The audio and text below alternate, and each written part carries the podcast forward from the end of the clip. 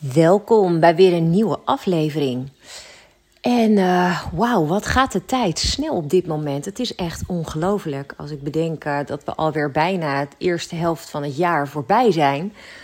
Oh, echt gaaf. Maar weet je, het is, het is cool, want er gebeuren echt allemaal hele mooie dingen. We zijn met hele leuke ontwikkelingen bezig. Um, nou, natuurlijk uh, van oorsprong ooit begonnen als employer brander. En nu met een heel mooi nieuw label erbij, Experts Engagement waarin we veel meer mogen inzoomen op het geluk van mensen, werkgeluk en geluk in je privéleven.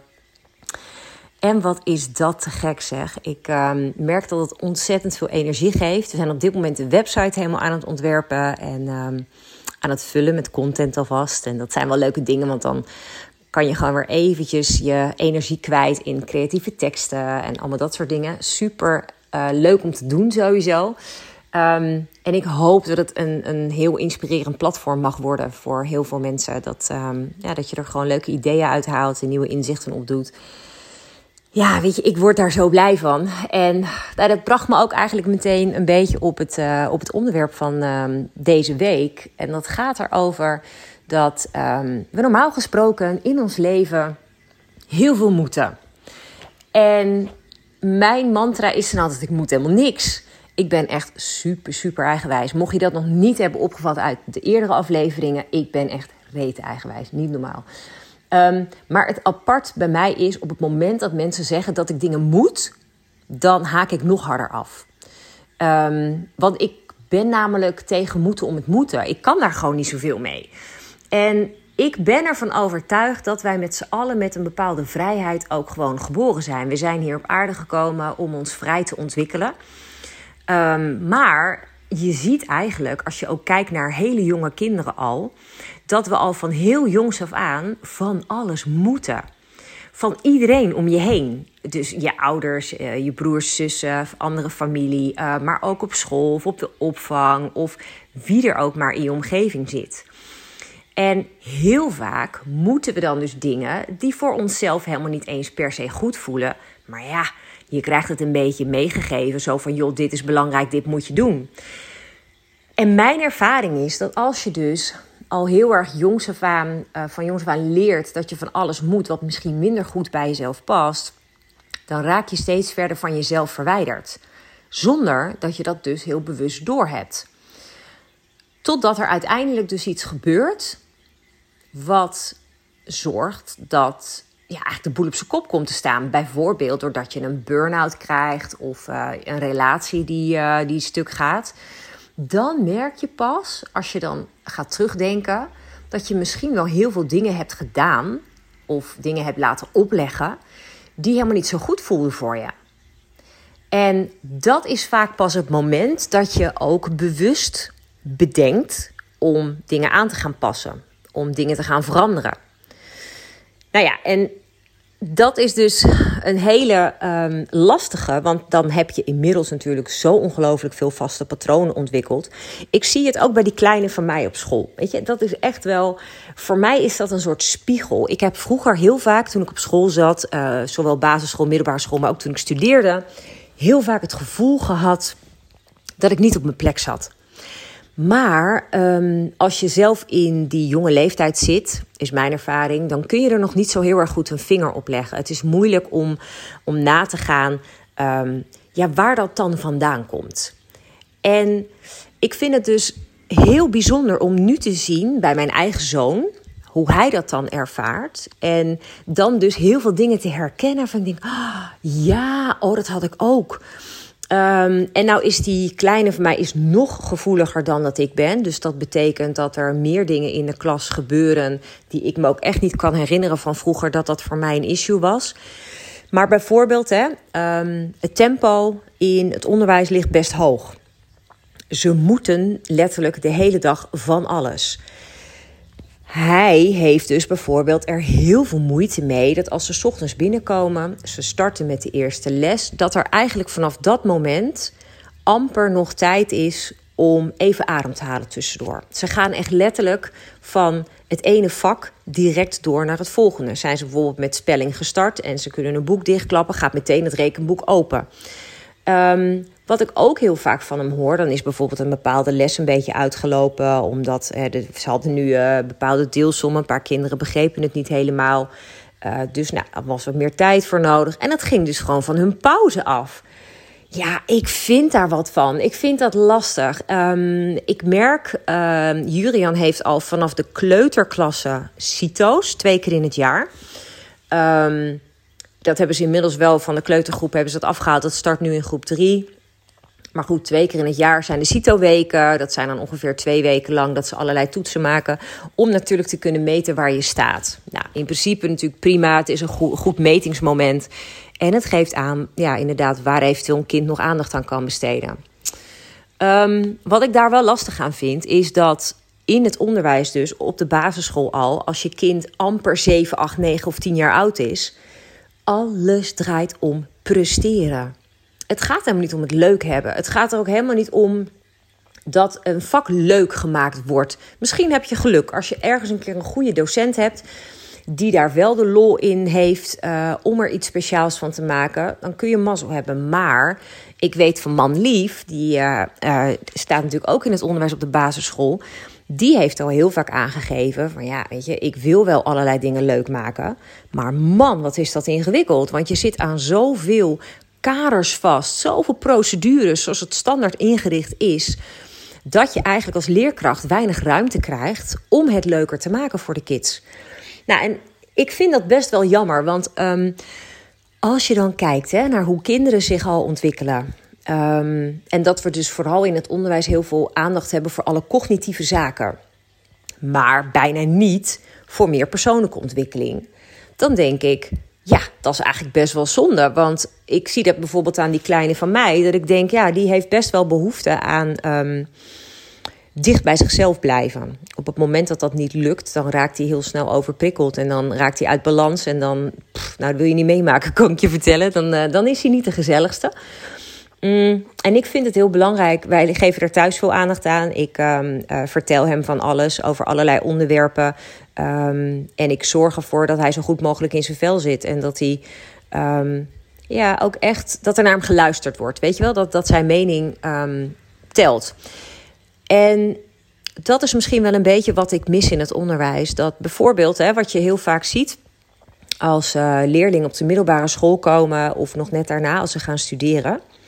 Dan zijn er heel veel kinderen die inmiddels niet meer weten hoe ze op een goede manier moeten ademhalen.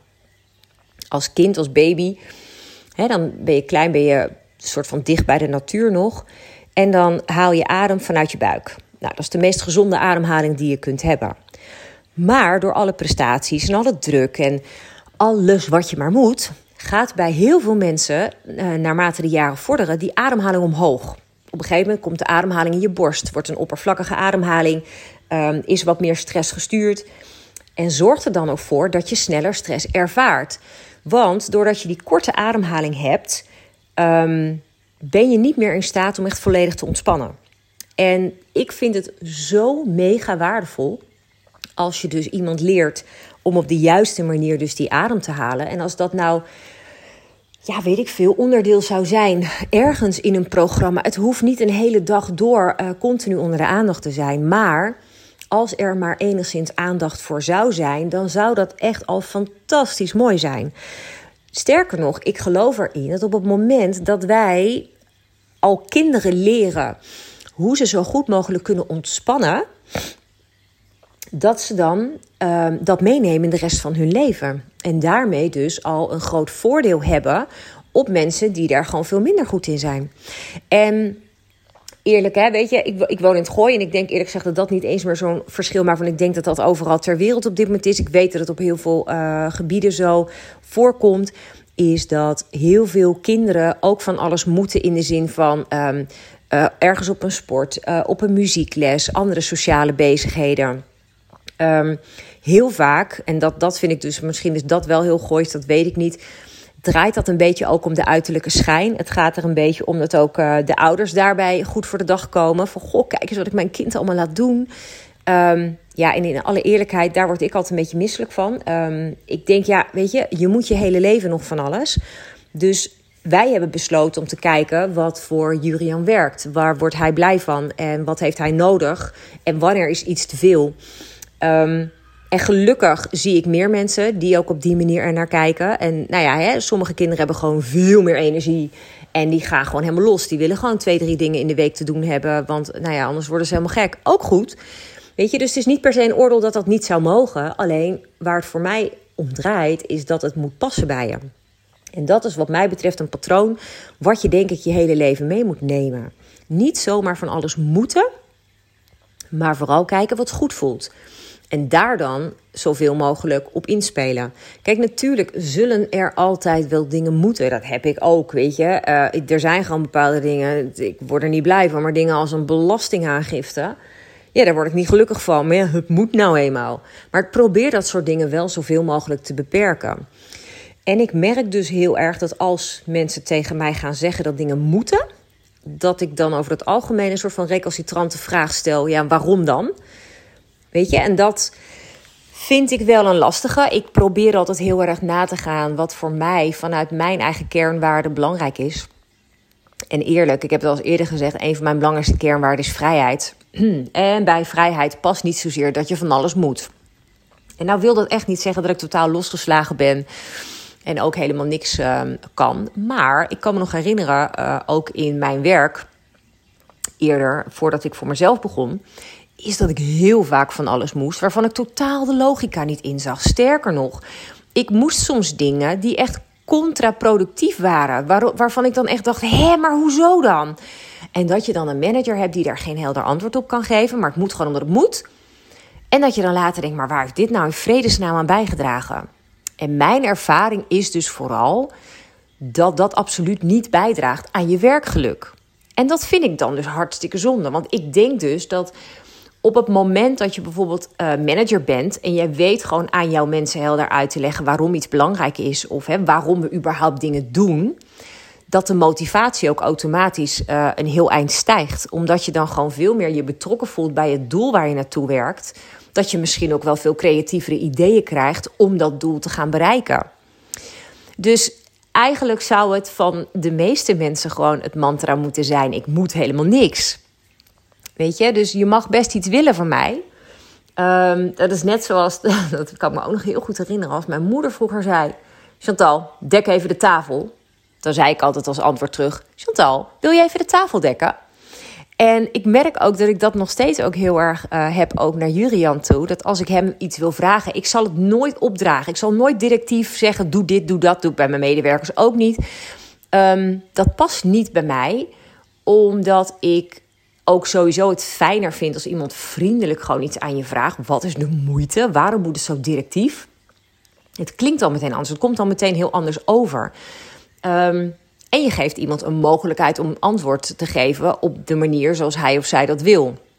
Ik denk dat dat belangrijk is. En het maakt niet uit, wat mij betreft, um, ja, wat dan het antwoord is. Al is het een negatief antwoord waar ik niet op zit te wachten. Ja, daarin, ik bedoel, ik kies er zelf voor dat ik een vrije wil heb. Dan vind ik ook dat dat voor anderen mag gelden. Dus dat geldt dan ook voor die kleine van mij.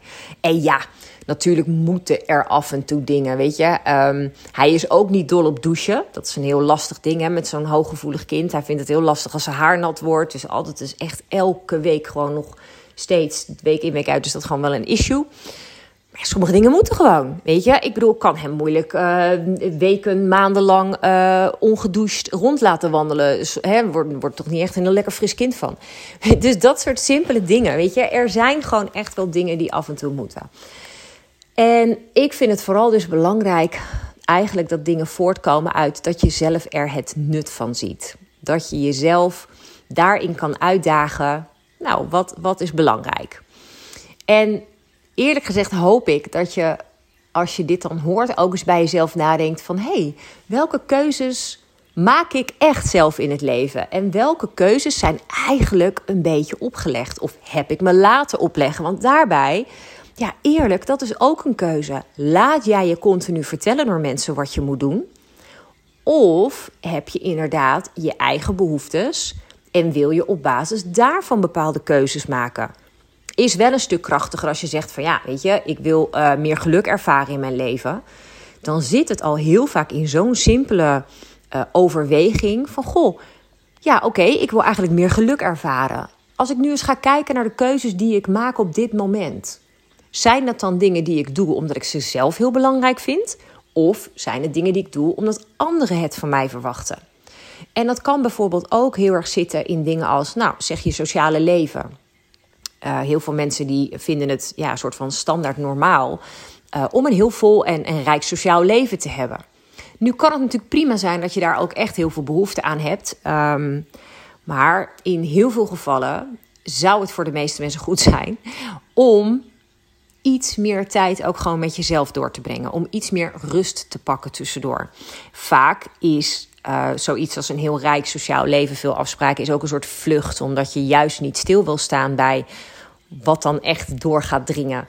Um, dus het kan ook heel confronterend zijn als je jezelf de vraag stelt van... goh, de keuzes die ik maak, zijn dat wel echt mijn eigen keuzes? Dat is best wel confronterend, want eigenlijk ga je op dat moment inzien...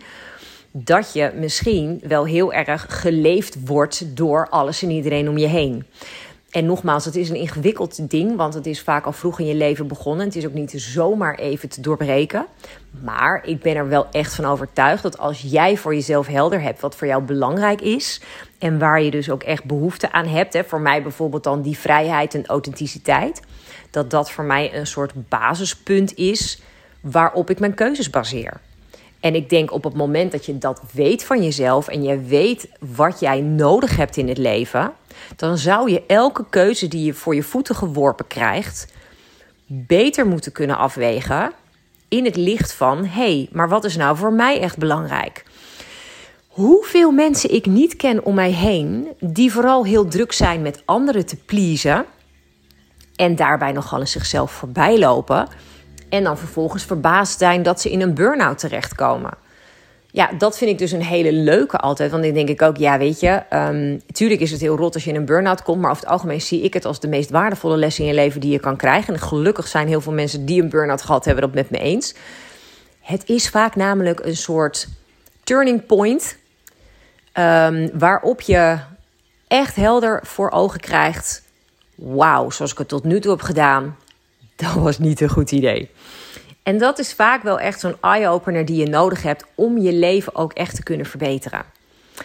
De vraag is alleen: heb je ook de ballen om dat te doen?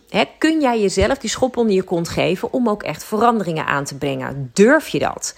Durf jij op dat moment uit een soort van comfortzone te, te stappen en keuzes te maken waarmee je bijvoorbeeld jezelf minder populair maakt? Dat je bijvoorbeeld gewoon eens een keertje nee zegt tegen die vriendin die je al twee keer hebt gezien deze week, waarvan je denkt: nee, een derde keer wordt misschien een beetje veel.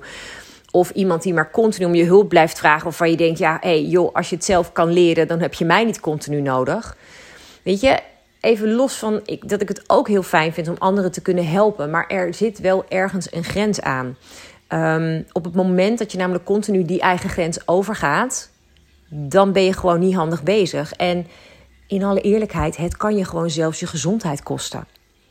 Dus ik denk dat dat een hele mooie overweging is vandaag, deze week, wanneer je hem ook hoort. Ehm, wat moet jij van jezelf? En want dat is ook nog zo'n ding, hè? Welke lat leg jij neer en hoe hoog leg je die? Um, ik weet van uit ervaring bij mezelf dat ik altijd mijn lat vrij hoog leg. Um, maar ik heb inmiddels door de jaren heen wel geleerd dat soms goed ook gewoon goed genoeg is. Um, ik ging heel vaak voor perfect. Uh, ik heb nog steeds wel af en toe uitspattingen, laat ik heel eerlijk zijn. Maar ik heb wel gezien dat um, goed ook echt wel gewoon goed genoeg kan zijn. En dat dat heel veel rust kan geven. En dat ik daarmee ook een bepaalde controle loslaat.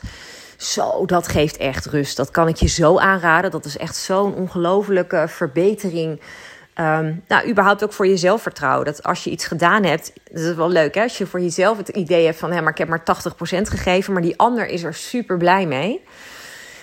Dat je dan denkt, oh wauw, ja, moet je nagaan. Als ik wel 100% zou geven, dan zou het echt helemaal fantastisch zijn. Dat is mijn uitgangspunt, altijd ook in alles wat ik doe. Uh, in mijn werk bijvoorbeeld. Alleen, in alle eerlijkheid, dat is niet op elk moment mogelijk. Als het bijvoorbeeld zo gigantisch druk is, dan lukt het je niet om continu 120, 130, 140 procent van jezelf te geven. Weet je? En dan moet je ook jezelf beschermen en daarmee ook je opdrachtgevers. Want ja, weet je, als je jezelf niet beschermt, dan kun je uiteindelijk je opdracht helemaal niet doen. Dus daar zit ook gewoon een belangrijke afweging in. Maar ik denk dat het heel goed is om voor jezelf te kijken van goh, tot waar kan ik gewoon heel tevreden zijn met wat ik doe. En dat is ook wel een hele mooie ontwikkeling, denk ik, die ik zelf ook gehad heb. En die ik ook aan heel veel anderen gun. Ik weet dat, uh, dat wij vrouwen um, dat soort dingen nog wel eens heel lastig vinden. Omdat we ook altijd het gevoel hebben dat we op elk vlak ook voluit moeten presteren. Um, als partner, als uh, moeder, als uh, medewerker of ondernemer. Het is gewoon best een ingewikkeld dingetje af en toe. Um, maar ik ben dan ook vaak regelmatig, als ik dan s'avonds uh, klaar ben, ik heb een drukke dag gehad, maar ik heb toch alles voor elkaar gekregen wat er op mijn agenda stond, ben ik ook gewoon eventjes een momentje trots op mezelf. Omdat ik denk, zo, ik heb het maar weer even geflikt vandaag. En dat mag ook gewoon, weet je. Dan heb je heel veel dingen te doen gehad, maar dan mag je ook even heel happy zijn dat je dat weer goed hebt afgerond. En ik had toevallig van de week had ik een dag, um, ik weet niet, ik denk dat het dinsdag was. Ik werd ochtends wakker en ik had een soort onbestemd gevoel. Ik kon het niet helemaal duiden. En het enige wat ik dacht is: ik heb zo geen zin in vandaag. En dat was omdat ik dus heel veel afspraken had staan. Um, allemaal meetings achter elkaar. En ik merkte dat ik daar dus totaal geen energie van kreeg. Ik zag daar ochtends als een berg tegenop. En ik dacht: oké, dit is ook weer een leermoment. Ik moet dit eigenlijk niet doen. Ik presteer hier niet lekker op. Ik ga hier gewoon niet lekker op. Dus voor mij is het bijvoorbeeld belangrijk dat ik max twee à drie afspraken heb op een dag. En dat vind ik al veel. Om heel eerlijk te zijn, vind ik dat al best veel. En dat komt omdat ik het liefst creëer. En iets minder met mensen continu in gesprek ben. Dus ik vind het zonde om allerlei overleggen om overleggen te hebben. Daar heb ik gewoon niet zoveel mee. Ik hou het liever kort maar krachtig, dat ik weet wat me te doen staat en dat ik daarmee aan de slag kan. Daar krijg ik meer energie van. En ook dat wetende zorgt ervoor dat ik daarin mensen ook mee kan nemen en dat kan uitleggen en op die manier kan werken. Waardoor ik ook voor mijn gevoel altijd veel meer gedaan krijg hoor. Dat helpt ook enorm. En ik merk ook wel aan mensen om me heen dat dat um, steeds meer landt. Dat ik er ook zo gewoon in sta. Dat ik, het, uh, dat ik het liefst zo werk. En dat het ook wel wordt gewaardeerd. Omdat over het algemeen daardoor mijn kwaliteit ook gewoon prima is. Omdat ik dan de focus heb om het goed te doen. En ik werd die dag wakker en ik dacht later... Wat zou ik nu het allerliefst doen eigenlijk vandaag? En ik merkte dat wat ik het aller, allerliefst wilde... is werken aan mijn trainingen. Is mijn trainingen ontwikkelen verder. En dat is waar ik echt de volle energie van kreeg. En wat heb ik dus gedaan? Ik heb andere moeddingen die op mijn agenda stonden, heb ik een dag en twee dagen naar achteren geschoven. En ik ben gewoon gaan werken aan waar ik op dat moment blij van werd. En dat kon ik niet de hele dag doen, want ja, ik had nou eenmaal die afspraken staan. Maar ik merkte wel dat het me net even wat lucht gaf om te zorgen dat ik de dag toch wat beter doorkwam. Dus ook daarin wil ik je uitdagen. Check je agenda. Voel je er heel erg rot bij. Kijk eens wat je kunt veranderen om die dag al wat lichter voor jezelf te maken, om er wat meer werkplezier in te gooien. Ik ben ervan overtuigd dat dat al heel erg kan helpen om je algehele gevoel gewoon een boost te geven. Dus neem van mij aan, je moet helemaal niets. Weet je, maak het voor jezelf ook niet zwaarder dan nodig is. En uh, ik hoop dat, dat dit je aan het denken zet. En uh, ik zou het echt fantastisch leuk vinden als je dit met me wilt delen, wat het bij je oproept. Um, of als je het wilt delen, liefst met mensen om je heen waarvan je denkt: Oh ja, ja, die is ook de hele dag alleen maar bezig met alles wat moet. Misschien moet ik deze aflevering eens een keer delen. Zou ik echt te gek vinden als je dat wil doen. ben ik echt mega dankbaar voor. En ik zou het ook wel leuk vinden om, uh, om nou, misschien weer nieuwe onderwerpen te horen waar je blij van wordt om een aflevering uh, over te horen. Um, over het algemeen zit ik niet verlegen om uh, onderwerpen hoor. Dat gaat best wel vanzelf. En ik krijg ook wel dingen aangereikt. Um, maar ik vind het gewoon leuk om ook te weten wat er bij je leeft. En wat je bezighoudt. En waar je misschien tegenaan loopt. Waar ik dan nou ja, mijn uh, relaas over kan houden. In de hoop dat het je inzichten geeft waar je weer verder mee kunt. In elk geval super bedankt voor het luisteren weer. En heel snel tot de volgende aflevering.